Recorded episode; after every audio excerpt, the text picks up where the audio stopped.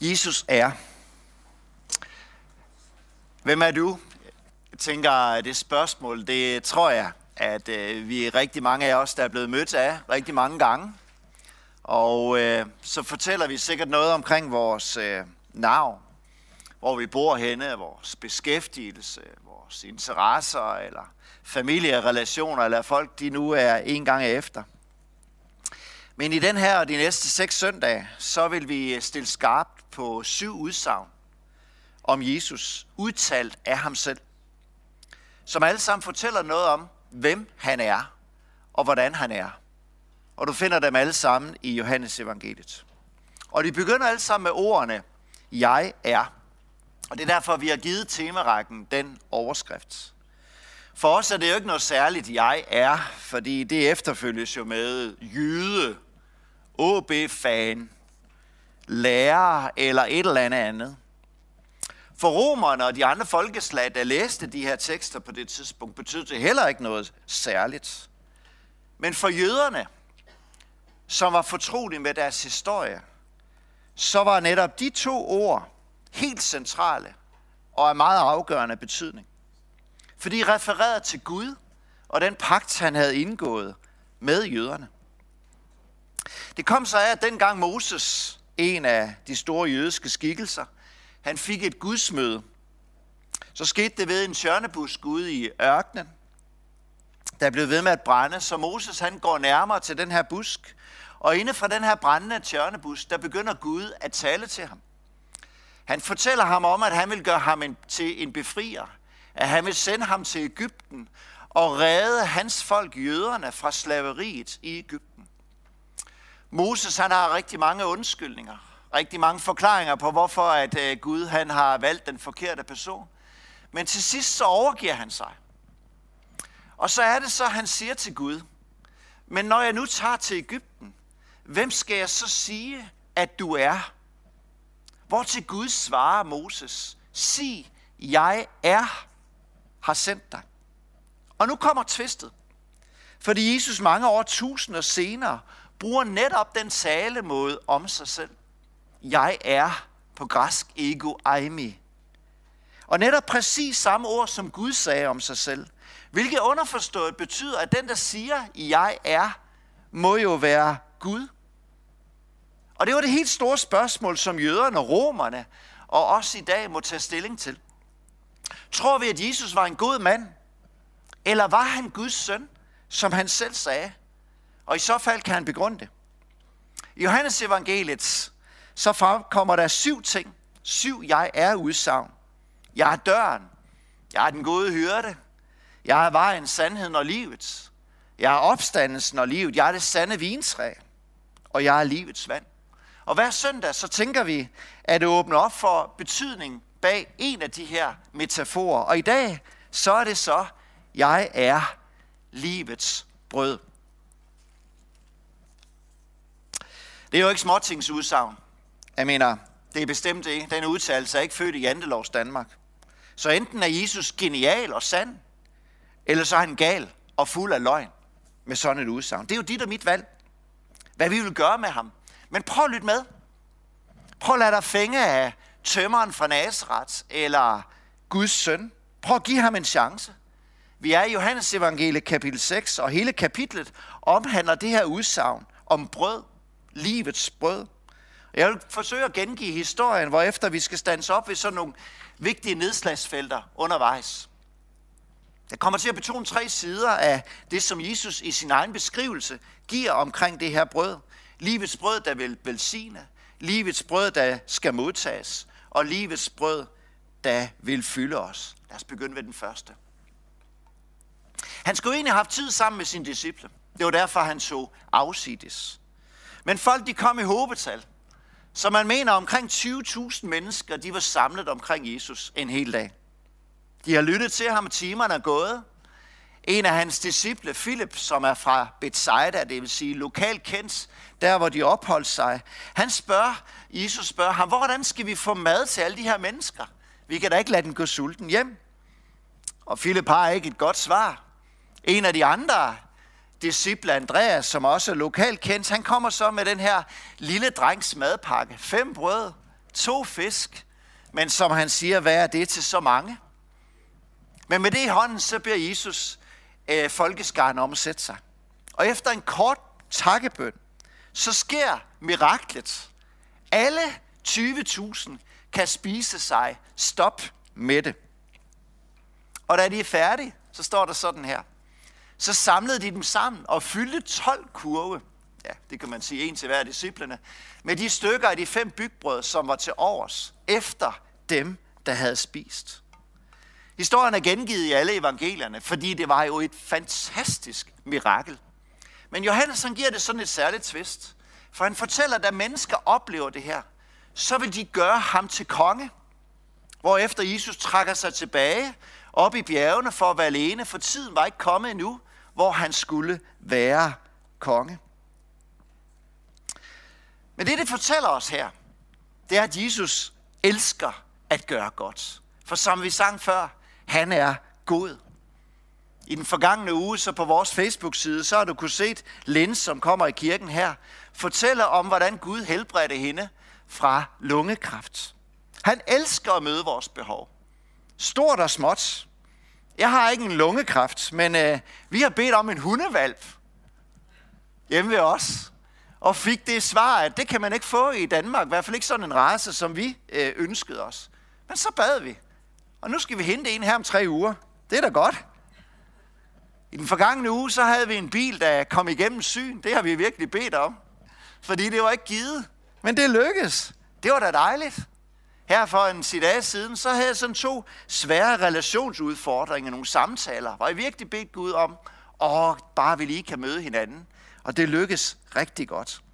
Jesus sagde på et tidspunkt, ikke et hovedhår falder til jorden, uden at Gud er ved om det. Får jeg så altid et ja? Nej. Er det godt? Det tænker jeg egentlig, det er godt, at han har overblikket og ved, hvad jeg trænger til, hvad der er mit daglige brød. Men det, det fortæller os om, det er, at Jesus er medfølende. Han er interesseret. Han er involveret i vores velbefindende. Han ønsker, at alle omkring sig skal have det godt. Det var de 20.000 der, som var sammen med ham den dag. Han elsker at gøre godt, for han er god. Det er hans natur. Så hvis du sidder den her dag og har brug for Guds velsignelse, måske sådan et brødmirakel, så har Gud efter det lige nu her. Sig Jesus, velsign mig. Og han elsker at møde dig. Han er lige så meget til stede der, hvor du er i dag, hjemme bag skærmen, som han var dengang de fem brød og to fisk, de forvandlede til det mirakel, de oplevede dengang. Denne for historien fortæller os om, det er, at livets brød skal modtages. Det, der sker efter historien her, det er, at disciplene de tager over øh, søen på den anden side, hvor Kapernaum ligger. Jesus er ikke med, for han var oppe i bjergene, og der var kun den her enkelte båd. Og midt om natten, så er det så sådan, at øh, Jesus han kommer gående på vandet. Og de kommer sammen over på den anden side. Og dagen efter, så flokkes menneskerne sammen fra dagen før og mange andre, fordi de har jo oplevet det her fantastiske mirakel. Hvordan de kom over på den anden side, for der var kun én båd, det spurgte de Jesus om. Hvordan kom du over på den anden side? Men det svarer han ikke på. Folkeskarne, de kom, fordi de gerne ville have mere brød. Flere mirakler. Og Jesus bebrejder dem sådan set ikke for det. Men han siger den forbindelse, tænk ikke bare på den fysiske mad, men jeg har noget, jeg gerne vil sige med det mirakel. Jeg har noget, jeg gerne vil give jer. Spis den mad, der varer til evig tid. Og på en eller anden måde så overså de giveren af gaven, Guds søn. Fordi de var så optaget af det her fysiske mirakel. I skal forstå tegnet i miraklet. Tegnet skal gøre noget ved jeres forståelse af ham, der udførte miraklet. Det skal give jer lyst til at komme tættere på ham. Og da Jesus svarer det, så siger de sådan her. Jamen, hvad skal vi så gøre, for at vi kan gøre Guds gerninger? Jesus svarer, den Guds gerning er den, at I tror på ham, altså Gud, han har udsendt. Hvad skal man gøre for at modtage Jesus livets brød? Hvad kræver det? Og jøderne, så jeg tænker egentlig også i vores danske mindset, så ligger der sådan en eller anden, tag dig sammen, agtigt. Hvis jeg nu forsøger at blive en god kristen og et bedre menneske, så er det nok vejen frem for et eller andet sted at komme nærmere Gud. Nej, det er ikke vejen. Det handler alene om, som Jesus siger, at modtage det brød, at tro på ham, Jesus, som Gud har udsendt, og den han er. Brødet fra himlen, det sande brød, livets brød er det, han bruger. Og Jesus siger sådan her.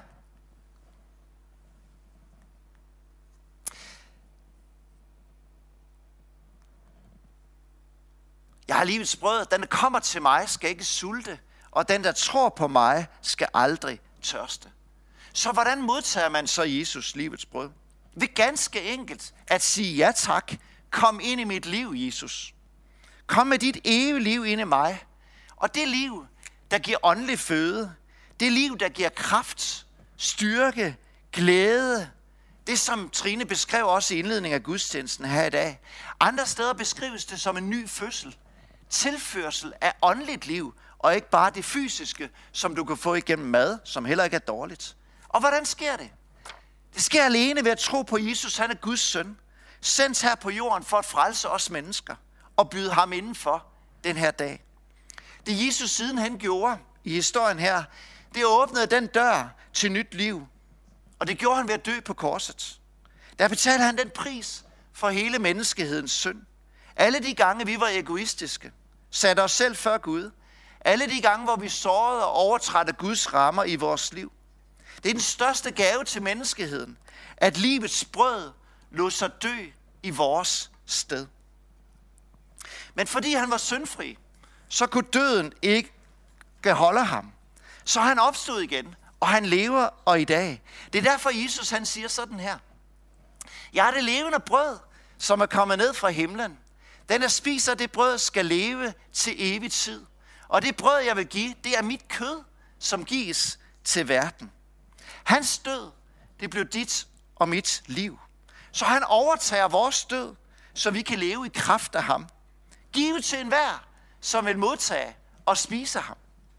Ikke bare som en dessert eller en aperitif, eller en velsignelse, tak Jesus, eller modtage ham, men livets brød inde i hjertet, giveren, skaberen, opretholderen af alt liv.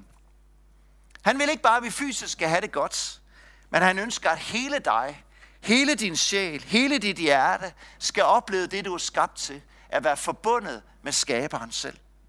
Og for at det ikke kan ske, så skal du ikke spise noget medicin. Du skal heller ikke betale en million, men du skal ganske enkelt tage imod hans liv i dig. Så alt det, der er skidt i dig og mig i dag, alt det, vi skammer os over, det giver vi til ham. For der sonede han vores synd. Til gengæld, så får du liv. Livets brød.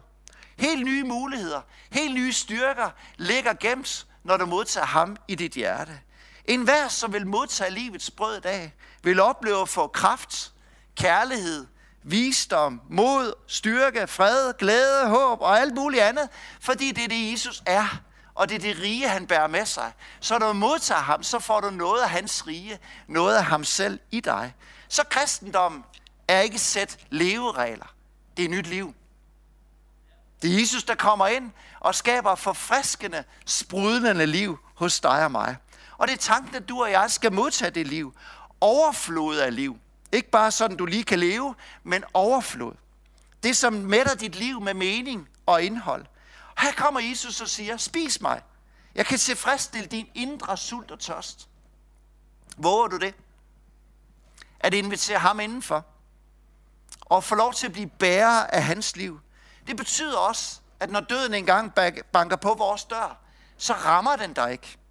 Jo, den ydre krop skal dø, men det liv, du bærer på fra Jesus side af, det er lagt ind i dig, det er evigt, og det kan ikke dø. Det er hans liv, og det er ham, der siger, at han er opstandelsen og livet, og det er liv, der bor i enhver, som ønsker at modtage livets brød. Da i den her tid oplever jeg en åndelig sult under den her coronapandemi. Vi troede, vi mennesker, vi har styr på det hele. Men der er kun én, der er i fuldstændig kontrol. Det er ham, der kender dig. Det er ham, der tilbyder dig. Spis mig. Lad mig få lov at fordele dig. Lad mig få lov at komme tæt på. Ham, som kan frelse. Ham, som kan skabe håb ind i dit liv.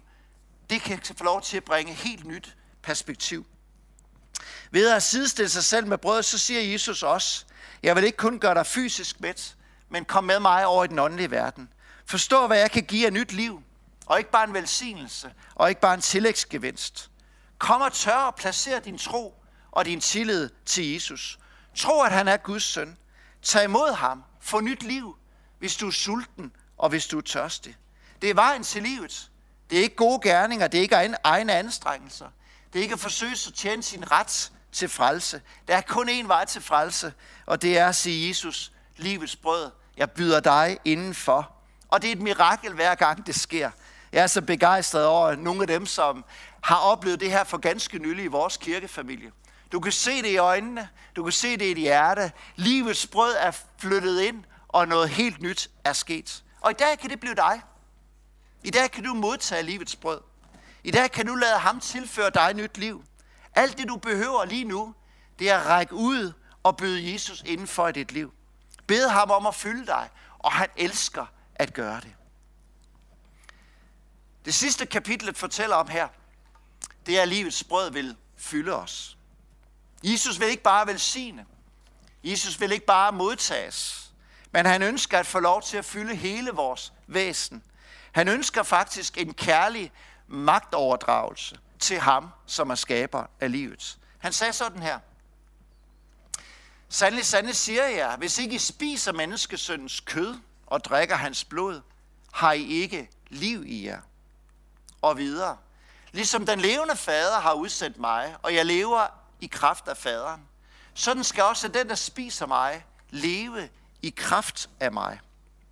Jesus siger, når I spiser mit kød, drikker mit blod, så har I liv i mig. På samme måde som jeg lever i kraft af min far i himlen, på samme måde skal I, når I modtager mig, få lov til at opleve at leve i kraft af mig.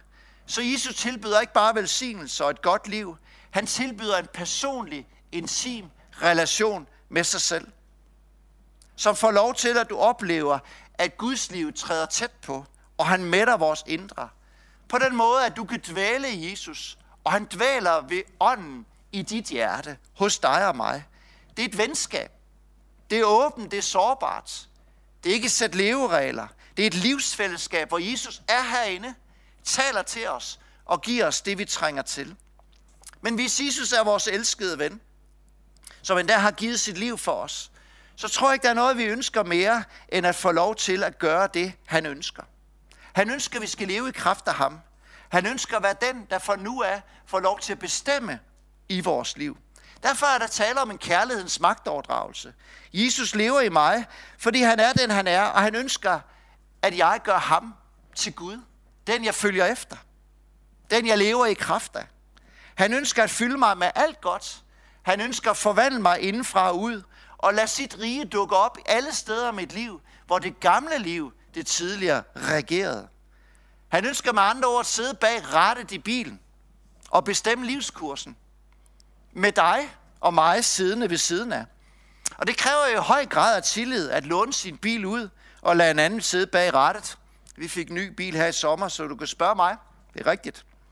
Det fordrer jo, at du tør tro på, at Jesus han kun vil dig noget godt. Og det kan du kun gøre ved din egen medvandring sammen med Jesus. Jeg kan bekræfte efter 35 års erfaring, at det er rigtig godt, når Jesus får lov at bestemme. Både de store linjer, når det gælder uddannelse og livsstil og prioriteringer, men også i de små ting. Men det er kun i overgivelsen til ham, hvor han får lov til at fylde os, at kristenlivet for alvor lever. Og det handler ikke om perfekthed. Det handler om overgivelse. Jesus, jeg vil ikke leve livet selv. Jesus, jeg ønsker, du skal være herre i mit liv, den der bestemmer.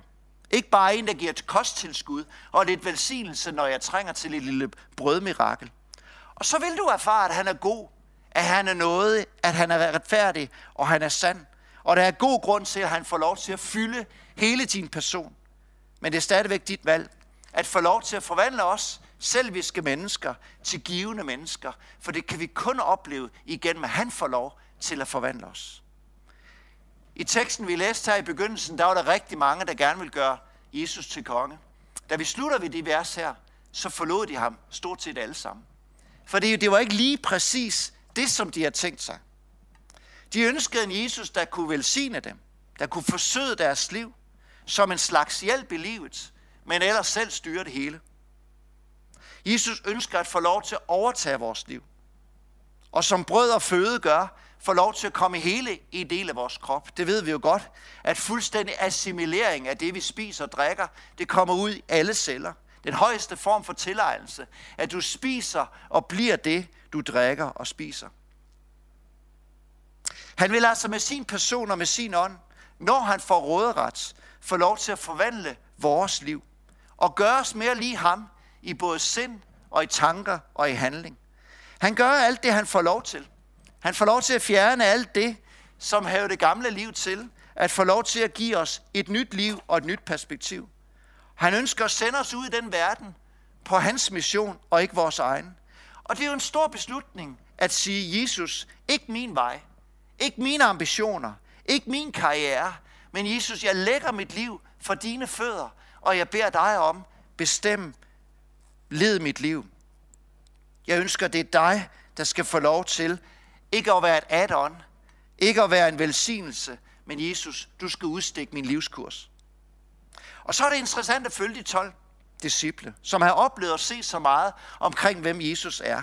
Fordi de slutter sådan, da alle de andre forlader ham, så er det som Peter, der siger, som fortaler for de 12 disciple, hvor skal vi gå hen til? Du har det evige livs ord, og vi tror, vi ved, at du er Guds hellige. Og i dag står du måske i en lignende situation. Du har mærket hans velsignelse. Du har måske fået nyt liv, men nu kalder han til efterfølgelse og kalder til overgivelse. Vil du følge efter ham, Jesus Guds søn, livets brød? Tør du gå med ham? Tør du være et med ham? Tør du overgive det til ham, som måske hindrer dig i at følge efter ham den her dag? Og lovsang, I må gerne have lov at komme herop. Du har i dag mulighed for at opleve Guds velsignelse lige nu og her. Han elsker dig, og han ønsker at gøre godt. Det gjorde han, og det gør han. Bring det frem for ham i dag, som du har brug for. Jeg ved ikke, hvad der er dit bespisningsunder. Jeg ved ikke, hvad du har brug for et mirakel.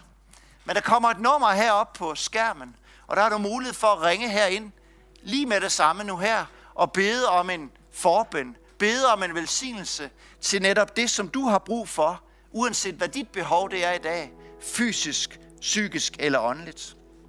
Men der er også mulighed den her dag for at modtage Jesus som livets brød. At byde ham velkommen og byde ham indenfor. Med sit rige, at blive født på ny, bruger Bibelen et udtryk. Eller at blive frelst. At få nyt liv. Det er muligt for enhver, som ønsker at tro på Jesus. Han er den, han siger, han er. Guds søn. Og den, der kom for at frelse os og føre os tilbage til Gud. Du kan give ham lige nu det, du skammer dig over. Din synd. Din egoisme. Og lige nu, så kan du bede ham om at komme og give dig et nyt liv. Og du vil opleve det som en byrde, der bliver taget fra dig. En hovedrengøring indeni. Og relation til den Gud, der har skabt dig, er reetableret. For lige livets brød blev knust og blev brudt, for at du skulle få for liv og være tæt ved ham. Men der er også tider i livet, hvor man står ved et vejkryds og skal vælge min vej eller Guds vej. Min karriere, mit liv, det jeg har krav på, eller ønsker at gå livets vej, at få lov til at lade ham fylde dig og mig helt. Og måske du har brug for i dag at sige, Jesus, jeg vil gå din vej. Jeg vil give det til dig, som trænger at blive forandret i mit liv. Jeg overgiver mig til dig.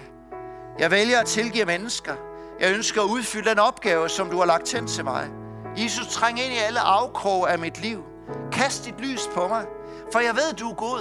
Jeg ved, du er nådig, og jeg ved, du er nænsom. Men jeg giver til det til dig.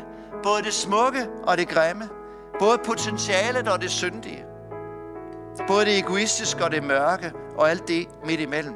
Det er dit valg, og det er et sats. Fordi du skulle tro på, at han er tillidværdig. At han er den, han siger, han er. At han er magtfuld nok til at lede dig igennem livet og også døden. Og en dag tage dig hjem til sit rige. Og der er der ikke længere nogen fristelser og nogen farer. Overgivelse af egne ambitioner. Jesus, jeg sætter dig først. Og så byder jeg dig velkommen til et rigtig, rigtig spændende liv sammen med Jesus. Det kan jeg skrive under på. Det bliver ikke kedeligt. Det bliver udfordrende, når han får lov til at bestemme. Når han får lov til at fylde dig og mig med dit liv. Så Jesus kalder os til at gå i livet sammen med ham. Hvor vi følger det her livets brød. Så vi giver os alt det, vi trænger til. Fysisk, psykisk og åndeligt. Så ræk ud efter ham og modtag ham, når jeg beder den her bøn. Så Jesus, tak fordi du er her lige nu. Tak fordi du giver det mirakel, der er brug for, til den, der sidder og har brug for det. Tak fordi du kommer og frelser og skaber nyt liv til enhver, som siger ja tak til dig nu.